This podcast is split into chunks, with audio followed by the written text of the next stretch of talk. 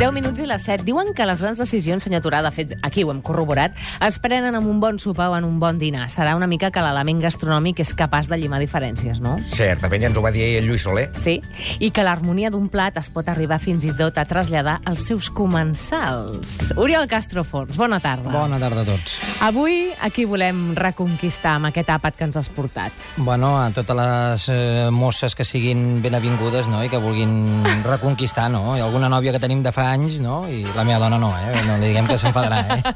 Però sí que és veritat que amb un bon sopar o un bon dinar un es pot marcar un punt. Home, es pot marcar un punt i ha productes que tenen més glamour que altres, no? Mm -hmm. En aquest Home, cas. Això vols dir que hi ha productes que ho fan més fàcil? Bueno, no, que tenen més xispeta, com les maduixes, la vainilla, no? Que Ah. avui estem dient, doncs farem alguns plats amb aquests productes, no? Un menú per reconciliar-nos amb algú, Amb la Carmeta. Turà? Amb la Carmeta. Amb la Carmeta. Objectiu, que el senyor Turà reconciliï amb la Carmeta. Exacte. És el teu A veure, repte. a veure si el fem feliç, el senyor Turà, no? Sí, Demà. i la Carmeta, espero. la Carmeta, la Carmeta sobretot. Sí, home. Bueno, per la part anirà un per l'altre, anirà. Ja, Això. que espero que caigui, eh? D'això es tracta. Escolta, i quin menú seria l'òptim per un àpat com aquest? Bueno, en principi hem preparat una mania de maduixes amb parmesà i tomàquets Mhm. i després un rap, un peix molt que agrada a tothom, amb Bo, poca això. espina i amb uns pelos del piquillo i vainilla. Bo, això. Home, el rap, a més, té categoria. És, Ah, denota exacte. que vols quedar bé amb aquella persona. I la amanida de maduixes i en parmesà és un contrast espectacular, no? Bueno, és una medida molt, molt divertida que fem el primer any de compartir i Sí. aquest any l'hem modernitzat, l'hem canviat i per això l'hem volgut portar avui i explicar-vos-la, que és molt senzilleta. Mhm. eh?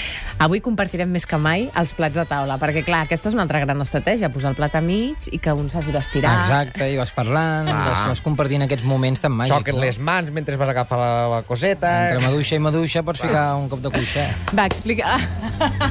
Clar, home, això es tracta, no sé... Correcte, tal qual ho Vinga, dius, tal sí, qual sí, és. sí, tal No qual. tinc res més a apuntar aquí. Tal qual ho dit, tal qual és. Bueno. Per favor. Escolta, versió de l'amanida que fèieu al compartir el restaurant de Cadaqués eh, de maduixes amb parmesà. Com l'elaborem? Exacte, arrenquem. Jo us explico els ingredients. Primer, maduixots, sí? Mm. Tomàquet cherries, o en aquest cas podem trobar algun tomàquet d'amanida ben bo, d'aquests vents carnosos eh, d'estiu. Alfàbrega fresca per decorar. Mhm. Oli d'alfàbrega també el farem nosaltres, ara l'explicarem. Una cremeta de parmesà, que serà 100 grams de llet, 50 de nata i 50 de parmesà ratllat, per fer la crema, que després us explicarem. Vinagre de mòdena, Mhm. Sí. sal, pebre i unes flors de begònies també de color vermell per donar una mica de glamour, no? que inclús el senyor Torà li pot portar a regalar la flor de begònia, ficar-la al mig de la taula i al mig del menjar li podràs agafar les floretes i ficar-li l'amanida. No? I De la deixes- carinyo. I la deixem acollonida. la. Aquí m'heu arribat a M'agrada. l'ànima. A mi, a mi em guanyaríeu, ja t'ho dic ara. M'agrada. Escolta, i com es fa aquesta amanida? Vinga, comencem. Començarem primer de tot a fer la crema de parmesà. En aquest cas agafarem una cassola, ficarem els 100 grams de llet, els 50 grams de, de nata, la farem bullir i afegirem un cop bulli el parmesà ratllat. I posarem sal, pebre i tot això ho triturarem al Thermomix o al Turmix i ho deixarem reposar a la nevera perquè estigui fred. I ens agafarà una textura cremosa pel, Perfecte. pel greix de, del parmesà. Vale? Per altra banda, farem un oli d'alfàbrega. Mhm. En aquest cas, oli agafarem alfàbrega fresca, de fulla grossa, i que és molt important que sigui ben verda, que no tingui res oxidada, i per una altra banda agafarem oli d'oliva. Mhm. sí? I el que farem serà desfollar aquesta alfàbrega Sí. i amb una cassola posarem aigua a bullir sí? i l'escaldarem. Com vam explicar l'altre Sí, dia, exacte, doncs, la farem aigua bullir, quan estigui bullint, afe allò, sí, afegirem la- l'alfàbrega, l'escaldarem, la traurem 3 segons de l'aigua, la refredarem amb gel i la triturarem al Thermomix o al Turmix amb aquest oli d'oliva. Sí. Eh? I tindrem un oli molt verd, molt, amb molta clorofila i amb molt, aromat, molt aromàtic. Clar, anava a pensar... Sí, sí, sí. Exacte. I després ja passaríem a netejar els tomàquets. Aquests tomàquets, doncs, que hem dit, pot ser tomàquet cherry, que el podem fer la creu i escaldar-lo també per poder-lo pelar, o podem agafar aquest tomàquet d'estiu, de, d'estiu, aquest tomàquet d'amanida, aquest tomàquet inclús que n'hi ha uns que en diuen feo, que són molt, molt bons, que venen a la bogueria, i ens els pelaríem amb la puntilla, perquè com que la, la, la, la senyora que hem de conquistar té tant glamour, li hem de pelar el tomàquet, Clar. perquè no tingui la pallofa a la boca. quan Tu, tu imagina't que se't queda un tros de tomàquet Que se'ns ennuega, dues. mare de no, Déu, no, mare de malament, Déu. malament. Que tot flueixi, sisplau. Ah, exacte. I llavors després el que farem serà aquestes, aquests maduixots, li traurem la part verda i els tallarem per la meitat. Eh? Bo. I ja procediríem, un cop estigués això fred, tot ben reposadet, a muntar el plat. Mhm. eh? El que faríem seria apuntar, posar meitats de maduixa en el plat, posaríem els tomàquets cherries o els grills de tomàquet que hauríem tallat, ho amaniríem amb sal, pebre i una miqueta d'oli d'oliva verge, sí?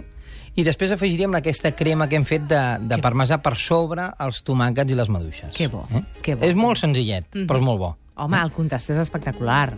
Ah, exacte. Sí. I un secret que no us dic com que ficàvem al restaurant, nosaltres ficàvem un toc d'oli d'ametlla amarga, però aquest, en aquest cas a casa no ho podem aconseguir això, doncs ficarem una miqueta d'oli d'ametlla amarga si algun tingués. eh?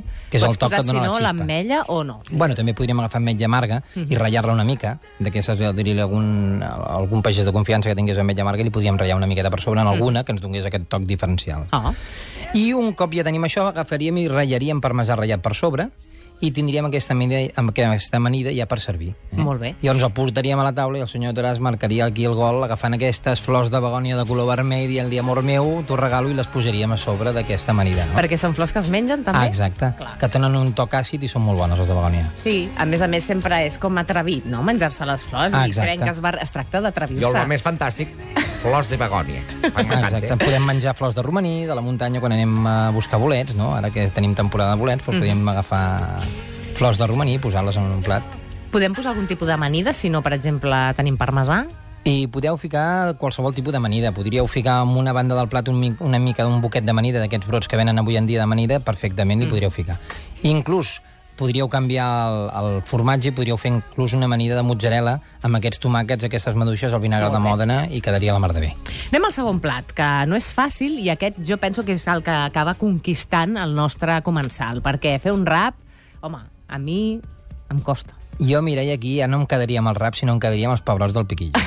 Perquè quan els feu a casa direu, carai, quins pebrots més bons. Són brutals. Dispara, dispara. A veure, disparem, comencem. El que farem serà primer de tot els pebrots del piquillo, el que agafarem serà obrir la llauna, Sí. la ficarem a escórrer i aquesta aigua de dintre no la tirarem, la guardarem en un bol i la tindrem reservada. Després que farem el pebrot del piquillo, li traurem les llavors de dintre i els fregirem. Agafarem una cassola, una, una paella, ficarem dos dits, com deia la iaia, de- d'oli, dos Sí. dits d'oli, d'oliva, i els començarem a fregir a foc suau. Aquests pebrots aniran flotant per la superfície, com si flotessin, i es aniran deshidratant, començaran a fer bombolletes, i hi haurà un moment que començaran a quedar secs i es començaran a cremar per les puntes. I en aquest punt exacte els heu de treure. Vale? I els tindreu secs. Vale? I els anireu posant en una altra paella, al costat. I què farem després? Els anirem a confitar. Sí. Confitar vol dir que agafarem aquesta aigua de la llauna, Sí. li afegirem en els pebrots, li podrem ficar un rajolinet més d'aigua perquè quedin més, més a cobrir d'aigua d'aquesta aigua i agafarem una vaina de vainilla. Aquestes vaines de vainilla, que la gent a vegades entenem vainillina, aquesta, doncs no, doncs vaines, que són Sencera. unes vaines negres, com, com d'un tamany d'un llapis, i el que farem serà tallar-la per la meitat. I el que farem després és rascar-la per treure aquestes llavors, aquestes boletes petitetes negres que tenen a dintre, i ho afegirem a sobre els pebrots. I a les vaines també. I això ho farem coure al foc molt a poc a poc perquè es vagin confitant. Estava pensant que el procés és tan bonic i tan laboriós que l'hauríem de fer davant de la persona. Cuinar això Home, amb té, ell al té, costat. té glamour, agafar la vainilla, olor, Ajuda'm, carinyo, la vaina, no? partim, no sé què. Va, i Jo després primer hauria què? d'assajar-ho, eh, això. Sí, sí. Bueno, i això deixa, llavors, ho tenim, un cop ho tenim confitat, ho deixarem reposar. Per altra banda, tindrem el pebrot de... Ai, el pebrot, dic jo. El rap. El, la cueta de rap, que per ser més glamurós agafarem cuetes de 400 grams. Per les marcar el pelarem, camí. exacte, i les pelarem. I les deixarem marcades, i després, un cop marcades, li donem un cop de forn i les tallarem en quatre trossets. Eh? I per altra banda, anirem a rematar el plat amb uns festucs torrats que tindrem, que els torrarem al forn, i una altra banda farem un oli de festucs, Que que agafarem 50 grams de festucs i 50 grams de- d'oli, d'un oli de, de blat de moro que sigui més neutre. I tot això ho triturarem al Thermomix, o al Turmix, i fins que tinguem un oli ben de color verd, vale? i que quedi com un praliner, com si diguéssim, molt líquid. Molts colors en aquest plat, m'encanta. Exacte, Mhm. exacte. I llavors ja procediríem a muntar aquest plat, que agafaríem i ficaríem en el plat un llit d'aquests pebrots amb vainilla tan Aquí dolcets. veig segones intencions. Home, eh? això té glamour, ho hem d'explicar glamurosament, no? Després posaríem aquest rap a sobre tallant en quatre trossos, els festucs torradets, que tinguin textura cruixent perquè hi hagi un contrast, i ficarem sal maldon, o sal d'escames a sobre de, del rap, a cada tros, i l'oli de festucs per sobre del rap. Eh? Perfecte. I un, si tinguem sarfull, posaríem sarfull per decorar i li podríem ja servir a la nostra princesa que estigués a taula. Jo ja us he dit un si quiero més ràpid. Em sembla que m'ha quedat clar. El llit de pebrots i la cua a sobre el llit dels pebrots. Perfecte, Exacte. m'ha quedat clar. Fantàstic. I per amanir-ho fem una margarita amb fruits per, vermells? Per amanir-ho sempre fèiem el còctel al principi, en aquest cas ho farem al final, no? per donar-li més la, el fil a l'agulla per acabar la, de filar tota la roba, no? i agafaríem, faríem un puré de fruits vermells, i un cop tenim aquest puré de fruits vermells faríem la margarita, eh? que en aquest cas ficaríem 300 grams de tequila, ficaríem contró, uns 30 grams, suc de llimona, uns 15 grams, I després afegiríem una cullerada de sucre, gel, i ho trituraríem tot això i tindríem un frappé Ai, ja de està. maduixes. I perdona, perdona, però acabaríem amb el toc d'aigua de roses, que hem, hem parlat en algun programa, Focs perquè artificials. tinguéssim el foc artificial rodó. Oh, tant. Pam, pum. Oriol, abans de marxar, un número de l'1 al 10. Al 8. Doncs la Núria Camp s'emporta la cistella Cap Bravo d'avui. Un plaer, Oriol, de A debò. vosaltres, a tots Fantàstic. vosaltres. Ets l'home de la nostra vida.